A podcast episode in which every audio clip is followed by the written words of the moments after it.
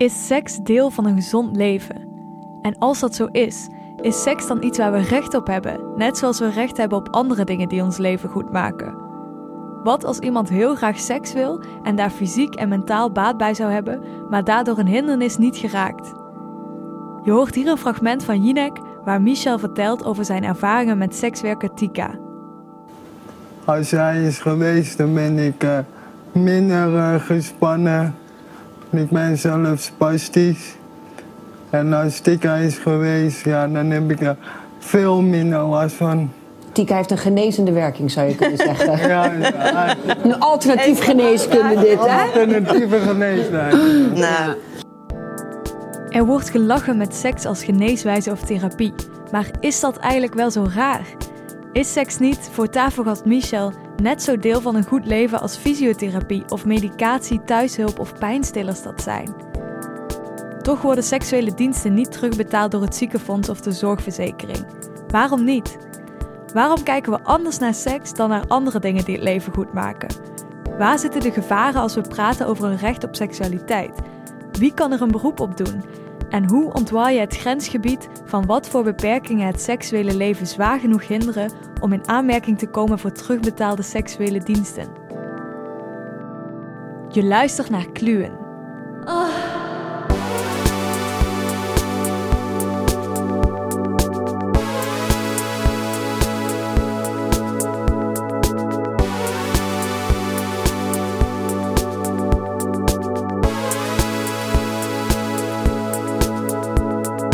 Het ergste wat je iemand kunt aandoen is iemand een micro onder zijn neus steken en beginnen. Oeps.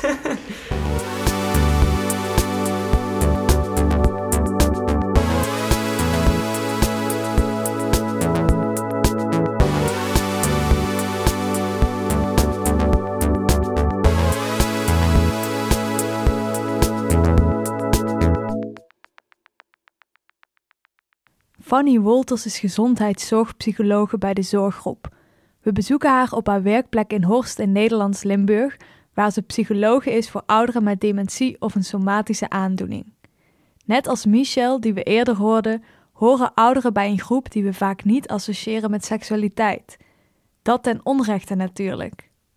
Je ziet eigenlijk dat hoe ouder de mensen worden, hoe, uh, hoe minder seksueel actief ze zijn, maar wel hoe meer behoefte ze hebben aan intimiteit. Ja. Maar dat seksualiteit zeker voor een aantal ouderen een hele belangrijke rol kan spelen. Oké, ja. En ik denk dat het ook heel belangrijk is dat we dat onderwerp ook bespreekbaar maken. Zeker binnen de ouderenzorg. En wij zijn, eh, ja, binnen de zorggroep zijn we daar ook mee bezig. Om dat ja, veel meer op de kaart te gaan zetten. Oké. En dus dat betekent dat jij dan waarschijnlijk ook echt al die vragen hebt gekregen. Dus dat mensen naar jullie toe komen en daar op een of andere manier duidelijk maken dat ze, dat ze dat willen, of het dan intimiteit of seksualiteit is. Kan je misschien vertellen ehm, hoe dat dan gebeurt, of hoe mensen dat laten weten? Is het een heel duidelijk van ik wil dit, of merken jullie dat op andere manieren? Ja, we merken ehm, bijvoorbeeld bij eh, eh, ouderen met dementie, die bij Ja. ons in het verpleeghuis zitten of in zo'n eh, woning wonen, ehm, dat zij wel eens seksueel ongepast gedrag laten zien. Oké, ja. Bijvoorbeeld naar het personeel. Mhm. Dat ze eh, vragen van, ehm, eh, kom je bij mijn bed liggen? Ehm, wil je mijn penis zien? Wil je, eh, zou je me daar willen aanraken? ja, ja. Of, of, of, of ze, ja, gewoon het kan over uitspraken gaan, maar dat kan ook dat ze daarna handelen. En daaruit blijkt wel een bepaalde behoefte. Hoe proberen jullie daar dan, als je zegt van we proberen dat op te vangen met de zorggroep, wat gebeurt daar dan naartoe of zo? Of hoe gaan jullie daarmee om? Eh, nou, bijvoorbeeld in het geval met eh, die bewoner die dan seksueel ongepast gedrag laat Ja. zien. We proberen dat vooral te begrenzen. Ehm, en soms werkt dat ook. Alleen is het soms moeilijk om dat preventief te voorkomen. Mhm. Ehm, ja, en dan kun je ook kijken naar van, wacht even, er zit een behoefte achter. Kunnen we daar niet iets mee, hè?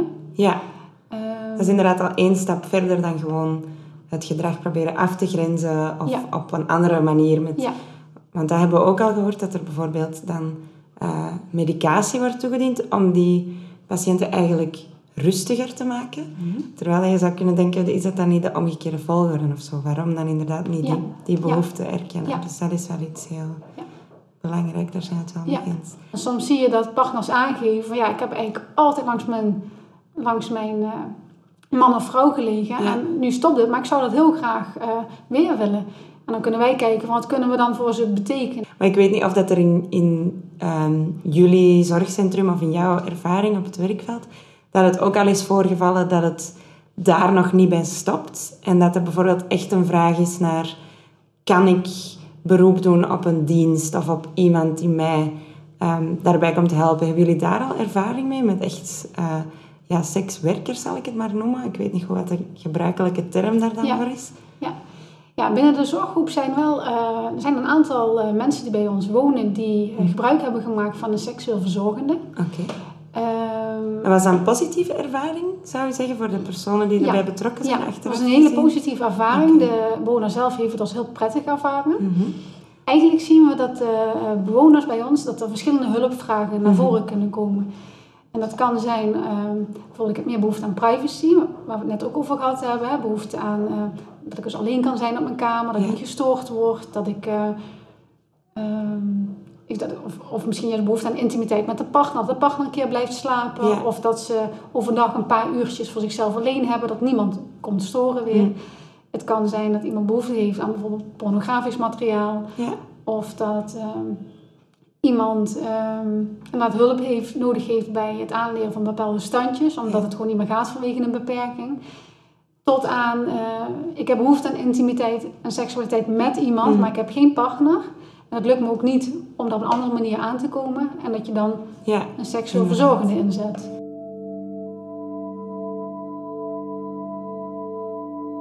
De vraag naar de plaats van seksualiteit in de gezondheidszorg kunnen we niet loszien van de manier waarop gezondheid en zorg vandaag begrepen wordt. Wat is gezondheid? Is ons begrip van gezondheid wel objectief? Maaike Muntinga werkt aan de Vrije Universiteit in Amsterdam aan de medische faculteit in de werkgroep Participatie en Diversiteit. We bezoeken Maaike aan de VU waar ze onderzoek doet naar inclusiviteit in de gezondheidszorg.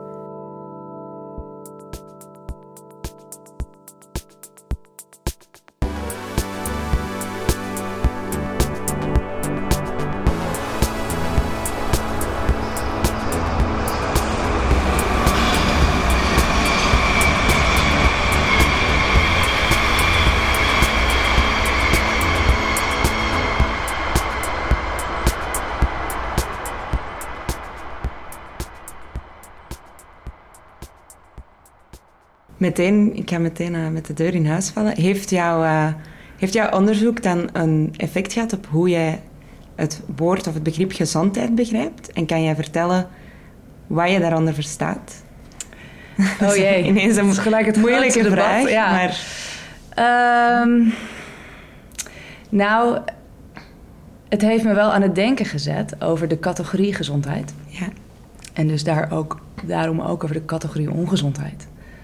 Eh, en zijn dat twee elkaar uitsluitende begrippen of concepten? En zo ja, wat betekent dat dan voor eh, ja, hoe medische kennis eh, over gezondheid wordt verzameld? Ehm, de WHO-definitie van gezondheid is, ehm, heeft iets te maken met een complete staat van welbevinden. Ehm, de vraag is natuurlijk in hoeverre dat ooit voor iemand haalbaar is. En af, afgelopen jaren is er eh, steeds meer nadruk komen te liggen, ook in de, in de internationale literatuur, op het begrip ehm, positieve gezondheid. Ik weet niet of jullie daarvan hebben gehoord. En ik nog niet, maar ik denk... Ja, leg maar uit wat dat daarmee bedoeld wordt. Nou, de afgelopen decennia is er natuurlijk een hele een soort shift heeft er plaatsgevonden hè, van, van acute ziektes, infectieziekten, waar, waar je ehm, naar chronische aandoeningen.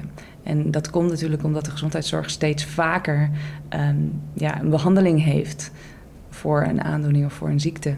En dat er steeds meer, er zijn steeds meer mensen met chronische aandoeningen. We worden steeds ouder, maar een heel groot deel van ons leven ehm, brengen we door met een vorm van disability Mhm. of een aandoening. En vaak meerdere naast elkaar. Eh, dus dat betekent dat dat idee van de WHO, van zo'n algemene staat van welbevinden, dat het eigenlijk voor heel veel mensen nooit meer haalbaar is. En dat zou betekenen dat heel veel mensen nooit meer gezond kunnen zijn. Ook al functioneren mensen, eh, kunnen mensen prima functioneren met meerdere chronische aandoeningen. Denk maar aan reuma of diabetes of hoge bloeddruk. Ehm, dus, dus eigenlijk is toen de vraag opgekomen: moeten we niet beter na gaan denken over wat gezondheid dan is? En dat begrip positieve gezondheid zegt eigenlijk: um, het positieve heeft te maken met het feit dat je het positief definieert. Dus het gaat om wat kan je nog wel? Uh, wat is gezond Ja. voor jou eigenlijk? Hè? En dat wordt dan gecontrasteerd met negatieve gezondheid, uiteraard. Nee, dat, dat Of- begrip bestaat dan niet eigenlijk. Ah, nee, dus, dat is eh, interessant. Ja, dat begrip Om- bestaat niet. Juist omdat daar de focus niet op hoort te liggen of zo dan. Nee, precies. Ja, nee, het, het gaat erom uh, wat, wat is welbevinden voor die persoon. Ja. Uh, wat past bij die persoon. Oké. Uh, en hoe kan je dat bereiken in jouw eigen leven. Onafhankelijk of van de, de beperkingen die jij ervaart. En zou dan zoiets als seksualiteit, waar wij graag over willen praten in Mhm. deze podcast, zou dat dan bij zo'n idee van uh, positieve gezondheid kunnen horen? Absoluut, ja. Dat zou daarbij kunnen horen. Ik bedoel, je kan natuurlijk ook wel weer kritisch zijn over dat begrip positieve gezondheid. Omdat het ook misschien wel kwetsbaarheid een beetje uit het oog verliest. Dat Ja. zou bijvoorbeeld een kritiekpunt kunnen zijn. Ehm, maar goed, eh, ja, seksualiteit zou daar zeker bij kunnen horen. Ja. En ehm, als je met dat begrip van positieve gezondheid werkt, wil dat dan zeggen dat ehm, een praktisch maatschappelijk eh, instrument, zoals de, de zorgkas of de eh, staatsvoorzieningen voor gezondheid, dat die eigenlijk ehm, heel die positieve gezondheid moeten eh, voorzien? Of hoe, hoe zien jullie dat dan in, ja, in, in termen van terugbetalingen en zorg? En is, moet de staat een soort basis voorzien? Of zou die dan ook tegemoet kunnen komen aan al wat positief is? Denk je? Ehm, moet ik even over nadenken? Ja, doe maar rustig. Dat is geen gemakkelijke vraag, denk ik. Maar je voelt ook de, de vervolgvraag waarschijnlijk al. Ja, nou ja, ik denk dat vanuit het idee van positieve gezondheid zou je kunnen zeggen: ehm, iedereen heeft een aantal domeinen van, van, van, van leven, van functioneren, waarop je je meer of minder gezond kan voelen. Dus denk aan psychisch functioneren, ehm, denk aan lichamelijk functioneren, eh, je sociale leven, je gezinsleven, al dat soort dingen. Daar zou theoretisch seksualiteit ook een onderdeel van kunnen zijn. Het zou kunnen zijn dat als voor een individu seksueel welbevinden heel erg bijdraagt aan het algemene welbevinden en aan de algemene gevoel van gezondheid, gezond zijn, ehm, dat, je, dat dat een argument zou kunnen zijn eh, om voor die persoon ehm, bepaalde seksuele dienstverleningen of, of, of seksuele behoeftes te vervullen, zoals ook andere gezondheidsbehoeftes eh, vervuld worden. Ja. Eh, denk aan als iemand medicijnen nodig heeft of als iemand naar de fysio moet. Ja. Dus dat, dat, dat zou je op die manier kunnen beargumenteren. Het, ehm, het, het probleem, of in ieder geval de uitdaging in de zorg en in de manier waarop zorg wordt vergoed, is dat je eigenlijk ook moet kunnen aantonen dat op het moment dat jij ehm, een interventie implementeert, dus op het moment dat jij een, een, een zorgaanbod uitvoert, dat dat ook inderdaad leidt tot betere kwaliteit van leven, Ja. beter welzijn voor die persoon. Je moet effect aan kunnen tonen. Hè? Ehm, het moet beter gaan, of in ieder geval het moet niet slechter gaan met die persoon door die service die hij biedt. En als je dat niet aan kan tonen, dan is er maar de vraag: waarom doen we het dan? Als het verder op populatieniveau eigenlijk niet bijdraagt aan de, de, de, de, een betere gezondheid van de samenleving of, of van de populatie. En het meten van het effect van eh, seksuele dienstverlening. Dus gaat het na het ontvangen van die seksuele dienst, dienstverlening beter met die persoon? Heeft die persoon, gaat hij vaker naar buiten? Heeft hij meer vrienden? Ehm, voelt hij zich beter over zichzelf? Is hij minder vaak ziek? Dat soort dingen, ik zeg maar iets. Ehm, ja, dat is heel moeilijk aan te tonen. Want die effecten zijn natuurlijk heel erg subtiel en heel erg individueel. En de vraag is maar of je die dus gaat vinden. En de vraag is dus of je op basis van de manier waarop we op dit moment effect meten en, ehm, en dus de, de effectiviteit en de wensbaarheid van dit soort diensten evalueren, of, of dat de manier is om ook een goede afweging te kunnen maken. Ja. Voor moeten we dit wel of niet doen? Dat is heel interessant. Ja. Dus misschien ehm, ligt het dan niet zozeer in eh, of, er, of er de, de gewenste effecten zijn, maar wel de vraag of de manier waarop we die effecten op dit moment meten, of, of dat we daar wel een soort standaard hanteren die eh, klopt of die eh, overeenkomt met eh, wat welbevinden is en wat een positieve toestand is. Precies, ja, ja want we, we, we gaan er natuurlijk vanuit op het moment dat wij effecten meten... en met vragenlijsten of met noem maar op... dat er een soort absolute werkelijkheid is, een objectieve werkelijkheid... die wij in kaart kunnen brengen. En als het gaat om seksualiteit en de manier waarop je seksualiteit beleeft... en je seksuele behoeften en de impact van seks op jouw welbevinden... is natuurlijk enorm subjectief Ja. en heel genuanceerd. En de vraag is, hoe, eh, hoe breng je die processen en ook die verbeterprocessen in kaart... En dan ligt er natuurlijk ook nog zeg maar, de ethische vraag. Eh, ook al vinden we geen effect, hè, ook al heeft het verder, heeft seks geen positief of een meetbaar positief effect, of eh, merk je daar niet zoveel van, vind je het gewoon fijn en that's it, Hm. Ehm, eh, mo- moeten we het dan vergoeden? Eh, Ja. hè, dus ja, ook dingen die geen effect hebben, waarvan we geen effect kunnen meten, moeten die vergoed worden, ja of nee? Hm. Is de staat verantwoordelijk voor het wel, seksuele welbevinden van de populatie? Ja, Ja, dat is een Dat boeiende vraag. Ja. Want je zou kunnen zeggen ehm, eh, dat mensen wel, mensen die geen eh, belemmeringen daarin hebben, zeg maar, kunnen in principe eh, aan hun eigen nood aan seksualiteit tegemoetkomen. Net zoals ehm, eh, ja, zeg maar iemand die niet ziek is, of, of, of volgens de definitie van gezondheid die wij dan hanteren, ehm, in principe zelf gewoon zijn dag kan doorlopen zonder ziek te zijn en kan eten en naar de winkel gaan enzovoort. Maar er zijn groepen die, die niet zelf aan dat middel kunnen komen. Zou dat een onderscheid kunnen zijn in waar de staat dan eh, zou moeten kunnen interveneren? Ehm, want natuurlijk, het- het, zou ver gaan om te zeggen de staat moet zorgen dat iedereen seksueel wel, welbevinden ondervindt.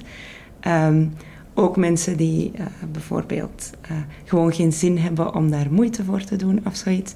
Ehm, zou daar een soort scheidingslijn kunnen liggen, denk je? Of wat zou dan het, het criterium zijn van wie er beroep kan doen op, op, op zo'n Mhm. hulp of zo? Ja, ik denk dat het. Je gebruikt het woord belemmeringen. Ik denk dat dat een Ja. hele lastige is. Hè? Ja. Wat, wat is een belemmering en voor wie? En dat kan heel subjectief zijn. Hè? Wat voor de, de ene een belemmering is, is het niet voor de ander. En ik denk ehm, het idee dat de staat geen zorg hoeft te dragen voor het seksuele welbevinden van heel veel mensen, dat, dat vind ik ook wel ter discussie staan. Want waarom vinden we wel dat we ehm, zorg moeten dragen voor het geestelijk welbevinden van heel veel mensen? Of het lichamelijke welbevinden van mensen? We hebben ziekenhuizen, we hebben geestelijke eh, zorg, eh, ehm, instelling voor geestelijke gezondheidszorg. Ehm?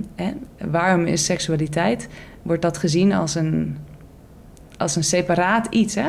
Ja, Terwijl het juist ongelooflijk raakt aan juist dat mentale welbevinden en dat fysieke welbevinden. En ook ehm, ja, onderzoek toont aan hè, dat als mensen een, eh, een fijn seksleven hebben, of in ieder geval een seksleven, als ze dat willen, dat dat overeenkomst met hun, om met hun behoeften, dat dat eh, heel erg bij kan dragen aan eh, ja, dat welbevinden van mensen. Absoluut, ja.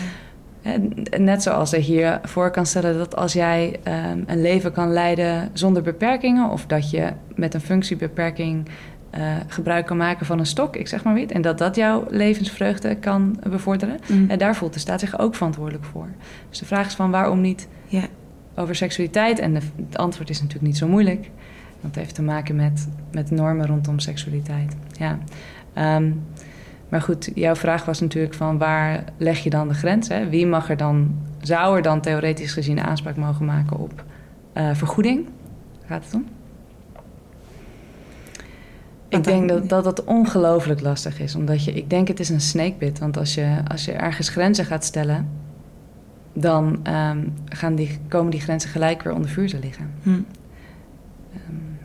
Want het gaat dan ook over, wat je zelf ook al aangaf in mijn vraag, eh, belemmeringen, of ik weet niet of dat het juiste woord is, maar hm.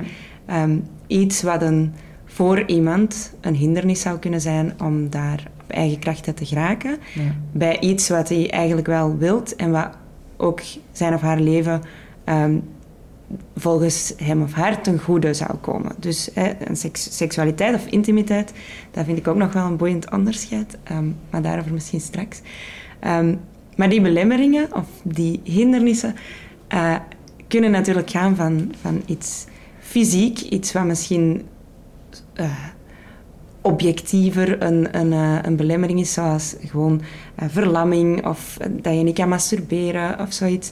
Ehm, maar dat kan ook gaan naar sociale normen, zoals je zelf al hebt aangegeven, over seksualiteit en over wat aantrekkelijk is. Bijvoorbeeld iemand die, die conventioneel niet fysiek aantrekkelijk wordt beschouwd. Ehm, want dan kan je gaan zeggen van mogen die, als we dat toezeggen aan iemand die aantoonbaar een fysieke belemmering heeft, ehm, moeten we dan ook aan die mensen, waarvoor wij eigenlijk een toestand hebben gecreëerd waarin dat zij conventioneel niet aantrekkelijk worden bevonden, door de normen die wij naleven, door reclame, door eender wat, ehm, moeten we daar dan ook aan tegemoetkomen. En dat zijn die grenzen waar wij naar op zoek zijn en die heel, heel lastig zijn. Ehm, ja, ik weet niet of jij, of jij daar... Denk je dat, er, ehm, dat de staat ook die dingen moet opvangen die we eigenlijk als maatschappij hebben ehm, gecreëerd of zo? Ja, eigenlijk de vraag die hier aan de grondslag ligt is... heb je recht op seks? Ja, Om het zo maar eens te zeggen. Heeft Zeker. ieder mens recht op seks? En als het antwoord daarop ja is, wat zijn dan de consequenties? Ehm, omdat je seks niet in je eentje kan doen. Over het algemeen. Ik bedoel, natuurlijk kan het wel. Maar als we het hebben over seks, hebben we het vaak over meerdere mensen. Ehm, ik kan me voorstellen, kijk, be- bepaalde functiebeperkingen, die zijn inderdaad, wat je zegt, heel, heel duidelijk. Eh, bijvoorbeeld mensen met eh, een, een, een, een ehm, hoe noem je dat? Eh, verlammingen inderdaad. Ja, spier, Of spi- ziektes of spierziektes. ja. Toevallig sprak ik laatst met iemand van de Rutgers Stichting... en die vertelde dat hij ehm, een gehandicapte broer heeft... met wie hij samen heel vaak, of eigenlijk een soort zoektocht is begonnen... met van hoe kunnen we nou jou, een partner voor jou vinden... of hoe kunnen we tegemoetkomen aan jouw seksuele behoeften... want hij, zijn broer die kon inderdaad zichzelf niet aanraken... En dat is dan heel, eigenlijk heel erg aantoonbaar, een soort van objectieve staat waarin je inderdaad je handen niet kan gebruiken. Ehm, klopt. Ehm, dat is een groep mensen eh, voor wie seksualiteit eventueel belangrijk zou kunnen zijn en, ehm, en ook zou kunnen bijdragen aan de kwaliteit van leven van die groep. Heeft die groep recht op seks? Dat is een andere vraag. Denk ik. Dat zijn twee verschillende vragen. Als, als, als een groep seksueel actief is, draagt het dan bij aan de kwaliteit? Ja, dat, ja. Maar heeft iemand recht op seks? Dat is maar de vraag. Ja, want dan komt Ja. natuurlijk de, het beroep doen op een ander in het spel. Bedoel je? Eh, ja, dus wa- wat, wat, wat definieert het recht op, se- op seks, zeg maar? Ja. Ook al- als je daarbij weet dat je, eh, dat je daarmee misschien het recht van de ander op, eh, op zelfbeslissing, ik zeg maar wat, of ze- zelfdeterminatie misschien wel zou kunnen... ehm, Mhm. Hoe, zeg, hoe zeg je dat? Ehm, Schenden. schenden bijvoorbeeld. Maar goed, dat is weer een hele andere vraag.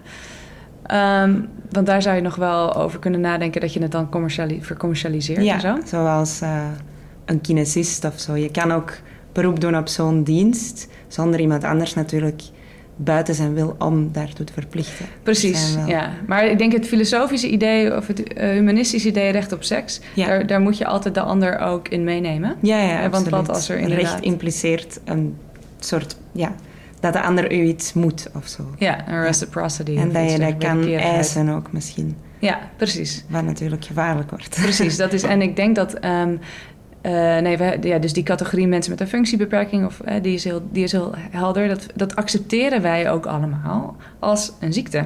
En dus vanuit het, een beetje terug naar wat je net in het begin zei, vanuit het, medisch-westers dualisme, is het heel makkelijk om te zien dat is een ziekte. En dan heb je eigenlijk, zoals we dan in de sociologie zeggen, toegang tot de ziekterol. En dan, ehm, dan heb je een diagnose en dan mag je opeens allerlei dingen. Hè? Dan heb je recht op allerlei voorzieningen. Dat kunnen we goed ehm, afbakenen. Maar als je bijvoorbeeld kijkt naar wat er nu ehm, in Canada gaande is. Ehm, ik weet niet of je iets hebt gehoord over die incels. Ah ja, inderdaad. Daar, ja. Ja, Vertel nou ja, maar. Nou ja, dat is een groep mensen, mannen over het algemeen, die zichzelf involuntary celibate noemen. Ja. En mensen zeggen, ik kan geen vriendin krijgen of het lukt me niet om, om seks te hebben met degene met wie ik dat zou willen. Eh, maar daar heb ik wel recht op. Eh, want ik ben een mens, want ik ben een man. Hè, the, ma- the world owes it to me, om het zo maar eens te zeggen. En eigenlijk zijn, eh, vinden wij met z'n allen dat natuurlijk belachelijk. Ja. Weet je wel? En de vraag is, ja... ehm, is hun claim, heeft, heeft, dat een, heeft dat legitimiteit? Heeft hun claim legitimiteit? Als zij recht op... Als je ervan allemaal... Als wij met elkaar eens zijn dat iedereen recht heeft op seks... of in ieder geval recht heeft op toegang tot seks... ehm, ja, wat betekent dat voor de claim die zij maken? Ja, dat vinden wij ook een bijzonder interessante vraag. En dat is inderdaad het... Als je doordenkt op het recht aan seks... of op seks verlenen aan een bepaalde groep... dan kom je daarbij uit bij mensen zoals incels... of mensen die ehm, eh, sociaal zich angstig voelen... of denken dat de wereld hen niet aantrekkelijk genoeg vindt... eh, die dan inderdaad zo'n eisen stellen. En natuurlijk met de gevolgen die we allemaal hebben kunnen lezen... aanslagen en... En eh, gewoon een, een, een woede tegenover de mensheid en de vrouwen die het hen niet gunnen. En dat wordt uiteraard super gevaarlijk. Dus dat is ook de grens waar we over willen nadenken. En hoe ja, zit er inderdaad iets legitiem achter zo'n claim die wij. Ja, ja vanuit een genderperspectief is het wel interessant om te kijken in hoeverre de zelfontplooiing van de ene eh, de zelfontplooiing van de ander in de weg staat. Ja, Ehm, dus ik denk wel, kijk, vanuit het humanisme vinden we dat, ja, heb, zouden we graag willen dat iedereen zich compleet zou kunnen ontplooien en eh, dat individuele rechten heel belangrijk zijn. Maar op het moment dat die eh, over de grenzen van een ander heen gaan, ja, dan, dan zit je eigenlijk een beetje vast. Ehm, dus nou ja, je kan, dat, dat liberale dat kan eigenlijk niet bestaan zonder ook een, een besef, een soort deep-seated besef van equality, Hm. gelijkwaardigheid en, en, en equity. Ja, dus dus je, je kan niet zeggen, ehm, ik heb recht op alles wat ik wil, want ehm, daarnaast is er nog een andere waarde belangrijk, namelijk gelijkwaardigheid en gelijkheid. En die twee zijn constant met elkaar in conflict eigenlijk. Hetzelfde eh, gaat om, om, om seks. Ja.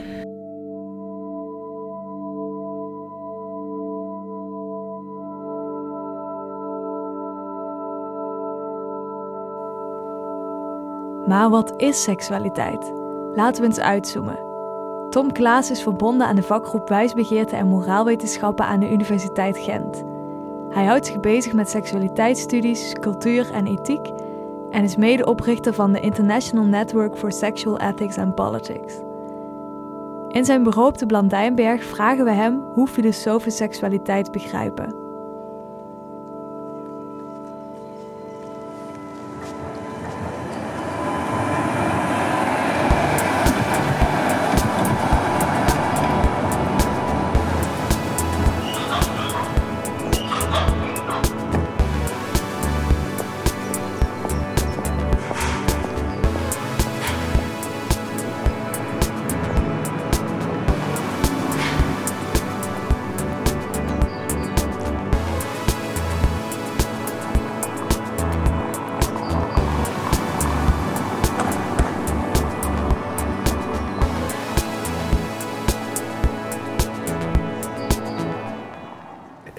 Heel zelden directe antwoorden op vragen, Ja. maar ik kan er gewoon eens wijzen, omdat dit toch filosofie is, dat men in de jaren 60, 70 eh, in Anglo-Amerikaanse filosofie, Thomas Nagel is er eigenlijk mee begonnen, op zoek gegaan is naar een omschrijving te geven van wat een baseline van wat normal sexuality zou zijn. In het kader van onderzoek naar perversie was dat. En eh, ik, toen ik dat begon te lezen vroeger, eh, dacht ik van dit is interessant. En uiteindelijk vind ik nu dat men daar weinig of niets mee zinnigs kan zeggen over wat seksualiteit is. Een definitie gegeven van seksualiteit. Eh, zou ik eerder in de richting van Ken Plummer gaan, een socioloog, eh, die het heeft over telling sexual stories. Seksualiteit heeft uiteraard een biologische basis, maar seksualiteit is ook iets wat mogelijk in het leven van mensen een centraal gegeven is in termen van identiteit, beleving, intimiteit, relatie met anderen, maar ook uiteraard genot. Uh, dat te maken heeft met een aantal genietingen die het lichaam ons levert, of die op een of andere wijze te maken hebben met de genietingen die ons lichaam ons kan geven. Dan kom ik toch voor een stuk terug in die jaren 60, 70 discussie.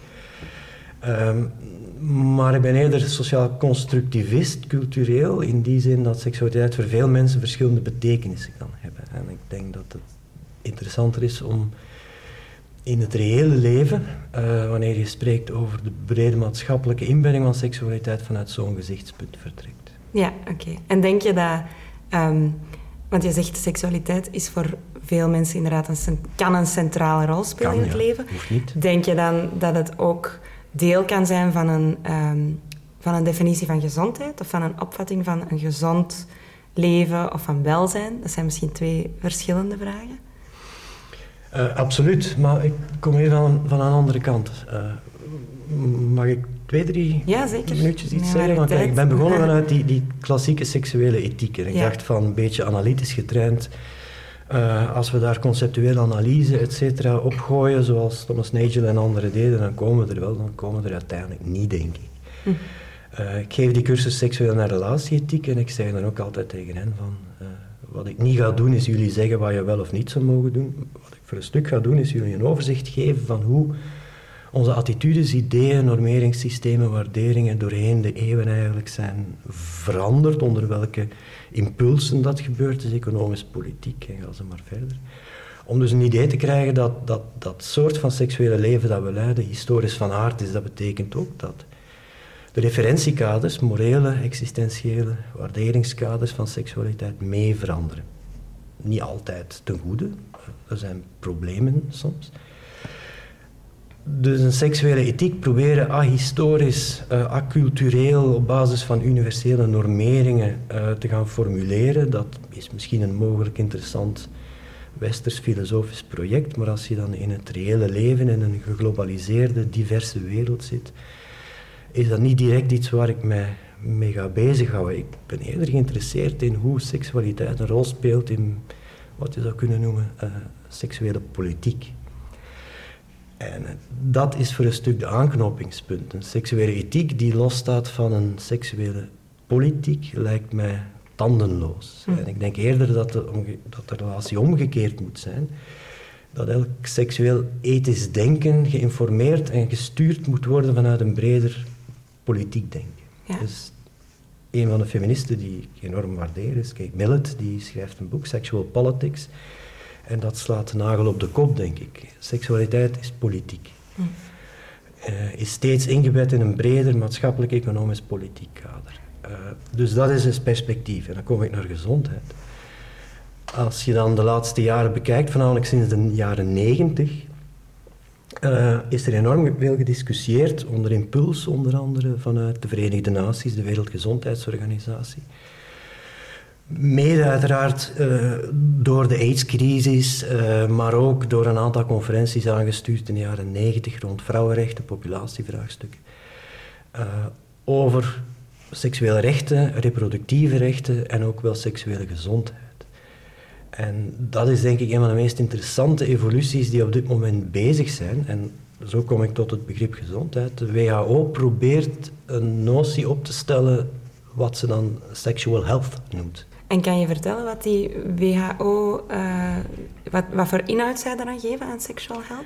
Ja, ik ken ze niet van buiten, maar dat gaat over meer dan louter absence of illness. Dat gaat over manieren om zichzelf te bepalen, om een plezier te vinden in het seksuele, om zelf seksuele relaties en de manieren waarop die dan uh, beleefd worden en uitgespeeld worden met andere partners te organiseren. Dus dat impliceert eigenlijk voor een stuk agency, voor een stuk zelfbeschikkingsrecht, maar ook uiteraard informatie over je eigen lichaam, over seksualiteit, over opties, over mm. diversiteiten. Uh, dat impliceert met andere woorden, en daarom is bijvoorbeeld het Vaticaan heel weigerachtig tegenover dat soort van dingen. Uh, een heel meer politiek emancipatorisch Ja. model, omdat gezondheid dan uiteraard een soort van uh, waarderingselement wordt. Eh, van je voelt je goed in je vel.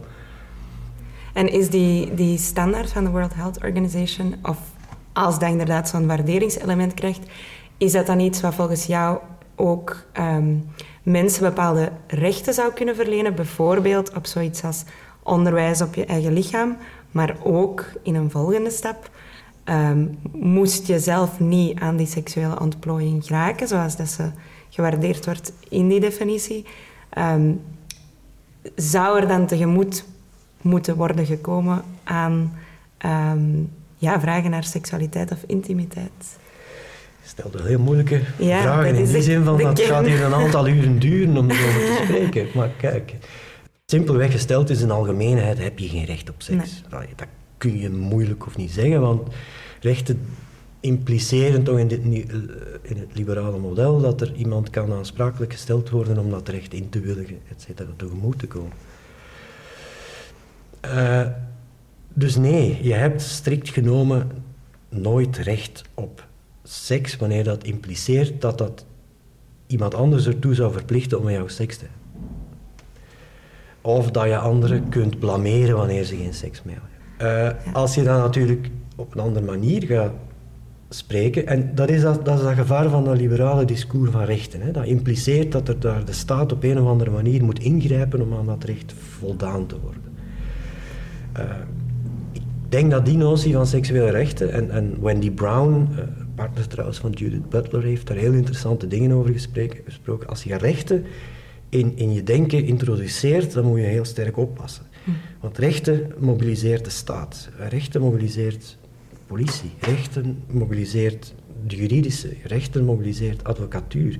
Rechten advo- mobiliseert eigenlijk een hele hoop van groepen, mensen, organisaties die Daaraan tegemoet moeten komen. ja, en de staat is nu niet meteen eh, de meest progressieve instelling, hoewel de staat uiteraard Mm. progressieve beslissingen kan nemen. Dat is dat links-left legalism wa- wat in die, die, die lastige situatie Mm. zit. Dan spreek ik liever over rechten als protest, protest rights, als een soort van manier om iets onder de Ja. aandacht te houden, als, als claims. Niet zozeer recht opeisen op basis van je, je, je nature of whatever, maar als een manier om het, om het gesprek gericht te houden en, en naar bepaalde groepen te kunnen eh, toerichten. Dan naar, naar sexual assistance, et cetera, gaan, die hebben dus sec genomen geen klassiek recht op seks. Er kan niemand verplicht worden om met die mensen seks te hebben. Maar dat betekent wel dat die zorgvraag of die existentiële vraag naar iets wat heel veel mensen, daarom niet noodzakelijk, want je hebt ook de asexueel, eh, als, een, als een essentieel en relevant en belangrijk onderdeel van wat het is om een waardevol leven te leiden, dat je daar open moet voor staan. Hmm. Eh, dus ik ben zeker niet tegen dat idee, absoluut niet tegen dat idee van sexual assistance. maar- en dat die, die vraag ernstig moet genomen worden. Maar je kunt er moeilijk een clear-cut, simpel antwoord over geven. Over en beyond wat ik nu gezegd heb. Dat zijn de zorgverleners, maar dat is een negatieve term uiteraard. eh, die daar moeten inschatten. En er zijn heel interessante, Aditi doet daar heel interessant werk in. Ook eh, wereld, in Europa zijn er meerdere centra voor seksuele dienstverlening. Maar dus niemand kan verplicht gesteld worden. En dan komen we op een andere discussie. Wie zal dat dan doen? Ja. En is dan de- zou er dan geen parallel kunnen zijn? Want daar, daar wou ik eigenlijk ook nog naar vragen. Ehm, bijvoorbeeld iemand die eh, thuishulp nodig heeft, die niet seksueel is, maar eh, iemand die ehm, voor hygiënische redenen iemand moet inschakelen. Ehm, hè, daar, eh, een- iemand die komt wassen of zo. Eh, daar denken we niet zo hard na over. Ja, zal er dan iemand verplicht ja, moeten ja, worden om die te komen wassen? En we zouden ook niemand verplichten. De-. Enkel de mensen die daar hun carrière van gemaakt hebben, die dat ook waarschijnlijk willen doen, komen dat doen. Maar dat is voldoende. Hè? Je hebt mensen die bereid zijn en met veel inzet eh, dat, dat werk te doen. Mhm. Eh, eigenlijk moeten we voor een stuk de discussie, denk ik, en nu ga ik weer een paar mensen kwaad maken, eh, wegtrekken vanuit de notie prostitutie of het aanbieden tegen betaling van seksuele diensten, want dat vereint voor een stuk de discussie. Hoewel het een heel relevante is. Ik geef heel veel les over trafficking en, en sekswerk en prostitutie, dat soort van discussies. Waar meer en meer over gesproken wordt in de literatuur is wat ze noemen bodywork. Ja, Uh, en dat, dat is een heel, een heel spectrum van activiteiten die gerenommeerd, uh, betaalde activiteiten zijn die op een of andere wijze iets met intimiteit, lichamelijkheid te maken Kan je daar voorbeelden van geven? Uh, bijvoorbeeld, uw tandarts is niet zozeer een, een, een, masseerder, maar die zit toch wel ergens ja. In je lichaam. Cavities van je lichaam. Een arts die, die gaat een aantal grenzen verder, maar iemand die uh, met jou danst, of iemand die je haar wast, of iemand die je lichaam komt wassen. Uh, er zijn een hele hoop sectoren, beroepen zou ik ze niet noodzakelijk noemen, waar het lichamelijk een centrale rol speelt. Waar eindigt lichamelijk werk en begint seks? En is die grens wel duidelijk te trekken? Is seks echt zo speciaal? Daar had Maaike ook iets over te zeggen. Maar waarin denk je dan bijvoorbeeld dat, dat seks verschilt van zoiets als een, um, een beroep doen op een thuishulp? Als je bijvoorbeeld niet meer zelfstandig uh, kan afwassen en koken en zulke dingen. Want daar uh, stellen we geen vragen bij. Daar denken ja. we van oké, een persoon die dat niet meer kan, die zijn leven is, is dusdanig uh, verminderd in kwaliteit, dat we daar eigenlijk aan tegemoet willen komen. Mm -hmm. Met iets uh, wat ook van, van, van bovenaf eigenlijk uh, verleend wordt en wat misschien ook vergoed wordt. Maar toch um, is seks zoiets anders voor ons, voor ons. En je hebt het zelf gezegd, hè, dat heeft te maken met normen en waarden. Denk je dat dat legitiem is, dat er toch nog een scheiding in zit, omdat het toch iets meer vragen is van iemand qua fysieke dienst dan Hmm. een, een, is een afwas komen doen? Of is dat eigenlijk iets dat we geconstrueerd hebben, dat het zo Ja, meer indringender is? ik denk dat we dat geconstrueerd hebben. Ja. Ik denk dat van oudsher is seks commodified, ik zeg dat ja, ehm, Gecommodificeerd, een- ja. tot een product gemaakt. Tot een product gemaakt. Dus eigenlijk is dat al van oudsher het antwoord geweest, eh, eigenlijk op die vraag. Hè? Van, eh, ehm, wat doe je op het moment dat je wel seks wil, maar dat niet eh, gratis krijgt? Het is een product geworden. Ja. Ehm, maar misschien ook met het, de introductie van het idee van de romantische liefde en, ehm, en de daarmee samengaande genderverhoudingen, ehm, is dat idee van seks als een product eh, ook wel onder vuur komen te liggen. Want het moet een soort van uiting zijn van een romantische liefde, van een, van een zeg maar, aantrekkingskracht die niet te stoppen is. En het moet dan ehm, voornamelijk ook waarin vrouwen dan passief zijn en mannen actief. Eh, en dat eh, heeft natuurlijk ook ervoor gezorgd ehm, dat prostitutie of sekswerk ehm, totaal gestigmatiseerd is geworden. Nou ja, het komt misschien vanuit het paternalisme, het, eh, of de, het patriarchaat, dat, ehm, dat vrouwen beschermd moeten worden tegen te veel mannelijke partners. Ja, en dat seks ook in waarde daalt misschien als dat ja, precies. Dat veel wordt gedaan. Ja, dat het lichaam van de vrouw eh, op het moment dat het ehm, eh, van seks kan genieten of, of van, met seks geld kan verdienen, dat het dan minder waardig wordt ehm, en dus buiten de maatschappij wordt ge- geplaatst. Absoluut. Daar, daar zit het, de seksualiteit is enorm gereguleerd, vooral vrouwelijke seksualiteit. En ik denk dat als je realistisch gaat kijken naar wie dan de groep zou zijn die ehm, dit soort diensten zou eh, wensen, eh, seksuele diensten in de zorg, ehm, dan zouden dat voor een groot deel mannen zijn. Niet uitsluitend, maar wel voor een groot deel. Dat denk ik ook. Ik, Ja. denk, ik was zelfs nu aan het denken, als wij aan het praten zijn en als de mensen naar de podcast luisteren, dat ze waarschijnlijk, zonder dat ze, het, zonder dat ze daar erg in hebben, gewoon een beeld van mannelijke Ja. vragers hebben. Ja, Terwijl is de nood, denk je dat de nood echt groter is bij mannen? Door de manier waarop de samenleving werkt en doordat vrouwen dat misschien ehm, bij zichzelf anders benaderen. Eh, ja, is daar, is, zit daar een biologische vraag aan de grondslag van? Misschien, moet, misschien willen mannen dat inderdaad meer? Of zeg je dat is, eh, dat is totaal geconstrueerd, dat dat zo zou zijn? ik, ik vind dat, dat is zo'n fundamentele vraag. Ik denk dat we pas in de laatste paar decennia... eh, dat, dat vrouwen pas kunnen reflecteren op zeg maar, de onderdrukte positie waarin ze hebben gezeten. En, of in ieder geval massaal kunnen reflecteren. Ehm, en ook wat dat heeft betekend voor de manier waarop eh, vrouwelijke desire, ehm, Verlangen. verlangen en, en zeg maar het, ehm, de agency die daar vervolgens bij hoort, eh, hoe dat eigenlijk is beperkt. Dus ik, ik denk dat we pas over ja, een aantal decennia kunnen gaan zien, hopelijk, hopelijk, hoe vrouwelijke seksualiteit diverser is geworden, meer variatie heeft gekregen, meer diepte heeft gekregen. Niet alleen maar op individueel niveau, maar ook op cultureel niveau.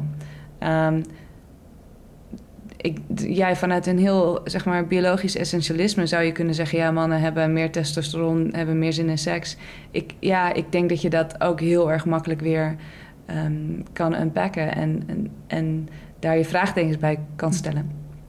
Ehm, dus ik denk dat misschien ehm, mannen, ja, mannen zijn gesocialiseerd om seks te willen en ook daarnaar te verlangen. En ook eigenlijk te vinden dat ze daar recht op hebben.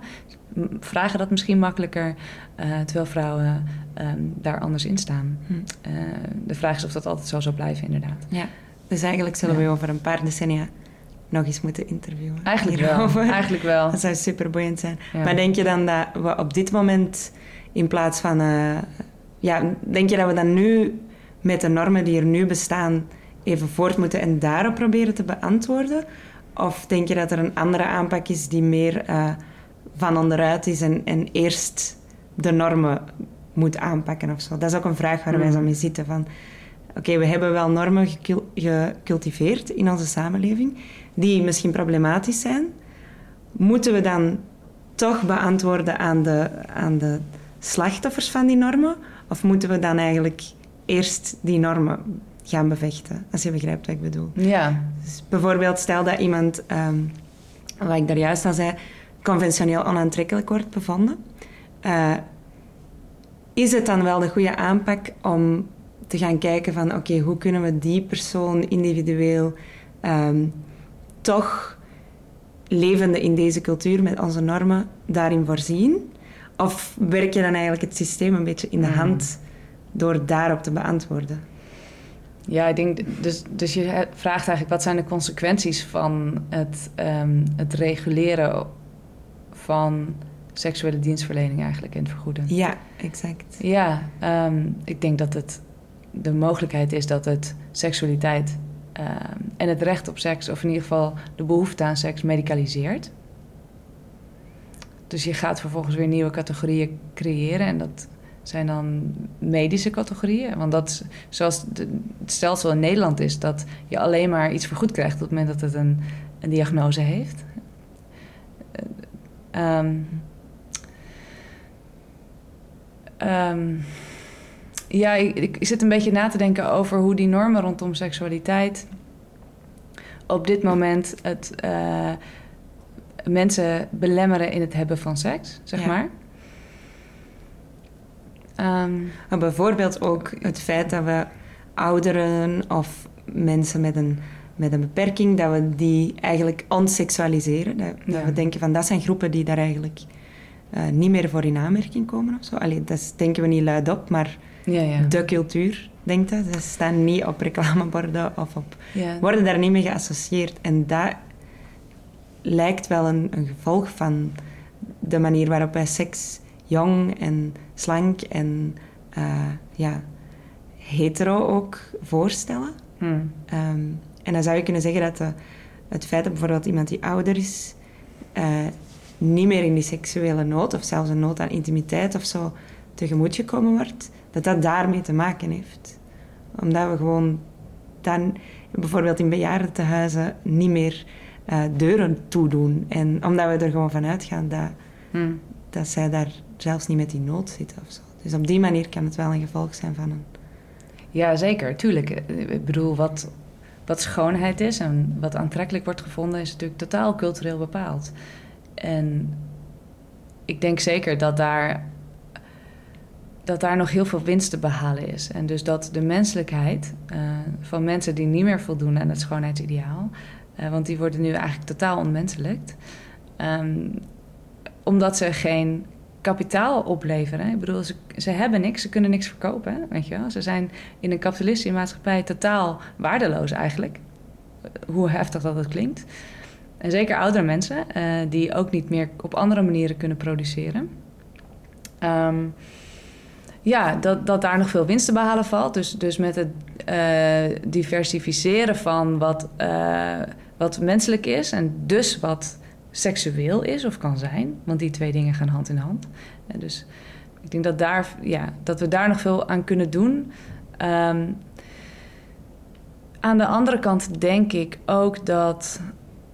Weet je, je hebt nu een soort hele rare situatie, denk ik, in de maatschappij. Dat aan de ene kant uh, krijgen vrouwen steeds meer agency, um, gaan zich steeds meer ontwikkelen, krijgen steeds meer macht. Dat categorieën tussen wat man is en wat vrouw is, en wat mannelijk en wat vrouwelijk is, steeds meer worden bevraagd en gedeconstrueerd. En daarmee zeg maar de hiërarchie tussen die categorieën. Um, maar aan de andere kant zie je eigenlijk dat er in het publieke discours heel weinig verandert over uh, wat aantrekkelijk wordt gevonden. Um, als je kijkt naar de billboard, ik bedoel, er wordt van alles geprobeerd, maar nog steeds staan de slanke witte, zo modellen, uh, op, uh, ja, op de billboards. En het was grappig, want ik, toevallig liep ik, ik weet niet of jullie dat hebben gezien, maar um, opeens stond het hoofd van Kristen Stewart op een Chanel-reclame. Uh, ik weet niet, ja, jullie kennen vast wel wie zij, weten vast ja, wel wie zij die is. actrice. Die actrice. En zij is wel wit, ja. ook heel dun. Uh, maar zij is niet hetero. Dus dat ja. vond ik toen al... Ik, ik, dacht, wow, dat is al best wel een vooruitgang. Dat had je tien jaar geleden niet gezien. -hmm. Dus, dus alleen, zij voldoet dan wel weer aan heel veel andere conventionele beauty standards. Dus we zitten in een situatie waarin er heel veel potentie is om dingen anders te gaan doen.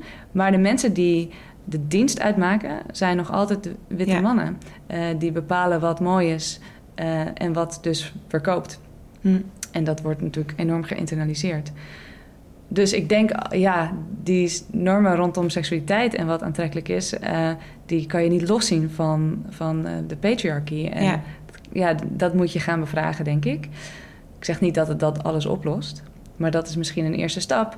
En daarmee kan je dus ook bevragen ehm, eh, het, het, ehm, in hoeverre de man of de eh, persoon die gesocialiseerd is als man en zich ook als, identificeert als man, recht heeft op seks, zeg maar. Of de manier waarop diegene dat conceptualiseert.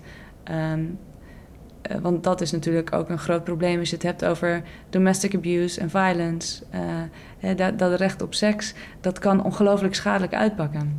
Hm. Op het moment dat je daar ook niet verantwoordelijkheid aan koppelt, zeg maar. Ehm, ja, dus ik, ik zie eigenlijk twee kanten van de medaille. Dus aan de ene kant het, het, het verbreden van. Of, of de vraag stellen: eh, wie heeft er recht op seks en hoe gaan we dat dan als maatschappij a- eh, aanpakken? Dat heeft hele mooie consequenties voor mensen die nu gedesexualiseerd worden en gedehumaniseerd worden. Aan de andere kant kan het ook weer bepaalde machtsstructuren, zoals die nu zijn, bevestigen en in stand houden. En ik denk dat dat een interessante spanning is. Ja. Ja. Ehm, wat ons ook wel interesseert is wat dan het verschil zou zijn tussen seksualiteit en intimiteit en waar misschien de vraag naar is. Ja, ik vraag me heel veel mijn studenten altijd: wat is seks? En dan vinden ze dat heel moeilijk om te beantwoorden. In het begin lijkt het heel duidelijk: ja, penetratie. Nee, dat is dan ook weer niet. Oh, is het klaarkomen? Nee, dat is dan ook weer niet. Is het uh, wat je doet als je bloot bent? Ja, nee, dat is het dan ook weer niet. Dus ik denk dat het heel moeilijk is om het onderscheid te maken tussen seksualiteit en intimiteit. En ik denk dat het heel erg gecreëerd is, dat verschil. Daar zou je weer een hele andere analyse op los kunnen laten. Waarom dan? Uh, maar het, wordt, het heeft in, totaal te maken met uh, een soort religieuze regulering of iets dergelijks. Hè? Um, ik denk dat er zeker wel een vraag is naar intimiteit. Ik denk dat, dat die ook wel van alle tijden is. Um, maar het interessante is wel... Uh, wie vinden we dat recht heeft op intimiteit? Of uh, voor wie vinden we intimiteit uh, belangrijk en voor wie niet? Als je bijvoorbeeld kijkt naar het aantal studies dat wordt gedaan... bijvoorbeeld dat in kaart brengt uh, wat het betekent uh, voor het lange termijn welbevinden van een kind op het moment dat hij uh, skin-to-skin -skin contact heeft met de moeder na de geboorte. Daar wordt heel veel onderzoek naar gedaan. Dus zeg maar, eh, binnen eh, welke tijd je het beste een baby op de borst kan leggen na de geboorte. Want dan wordt er gekeken naar, oh, dat heeft er op lange termijn allemaal positief effect voor het kind en zo. Maar dit soort onderzoek doen we niet als het gaat om oudere mensen. dus wat is het positieve effect van aanraking, zeg maar, in de ouderenzorg? of van, van intimiteit in de ouderenzorg? Het is bizar dat we daar helemaal geen oog voor hebben. En dat een van de dingen die mensen die eenzaam zijn het, het meest missen is lichamelijk contact. In welke vorm dan ook, of dat seksueel contact is of niet. Uh, het wordt ook wel huidhonger genoemd, dat vond ik heel mooi um, woord. En dat heeft, dat heeft een effect op ons psychisch welbevinden, dat we dat niet hebben. We leven gewoon in een maatschappij waar we elkaar niet aanraken. En een aanraking hoeft niet altijd seksueel te zijn. Uh, dat hoeft niet altijd te, gepaard te gaan met seksueel verlangen. Dus verlangen om klaar te komen of iets dergelijks. Dat, kan ook andere soorten verlangen zijn. Um, en daar hebben we nog eigenlijk helemaal geen gesprek over. wat dat dan betekent om als maatschappij uh, deprived te zijn, zeg maar, van een bepaalde elementair aspect van mens zijn, namelijk elkaar aanraken en um, skin-to-skin contact. En waarom we wel vinden dat baby's daar recht op hebben, maar oudere mensen niet, bijvoorbeeld. Hè?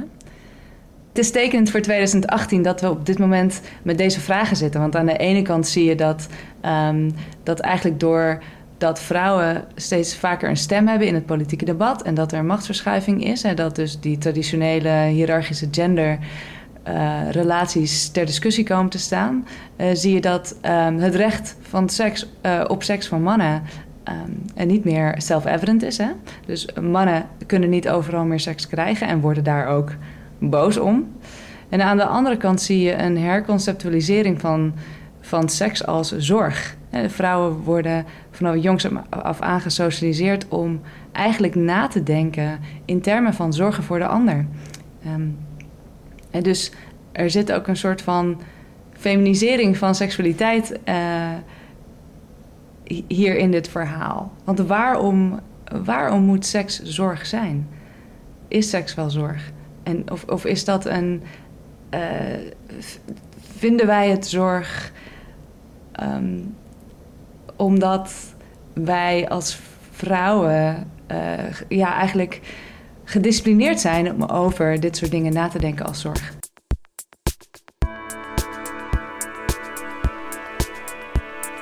Dit was Kluwen, een filosofische podcast over de knopen van het mens zijn. Bedankt aan onze gasten en aan Anne Lucassen voor het beeld.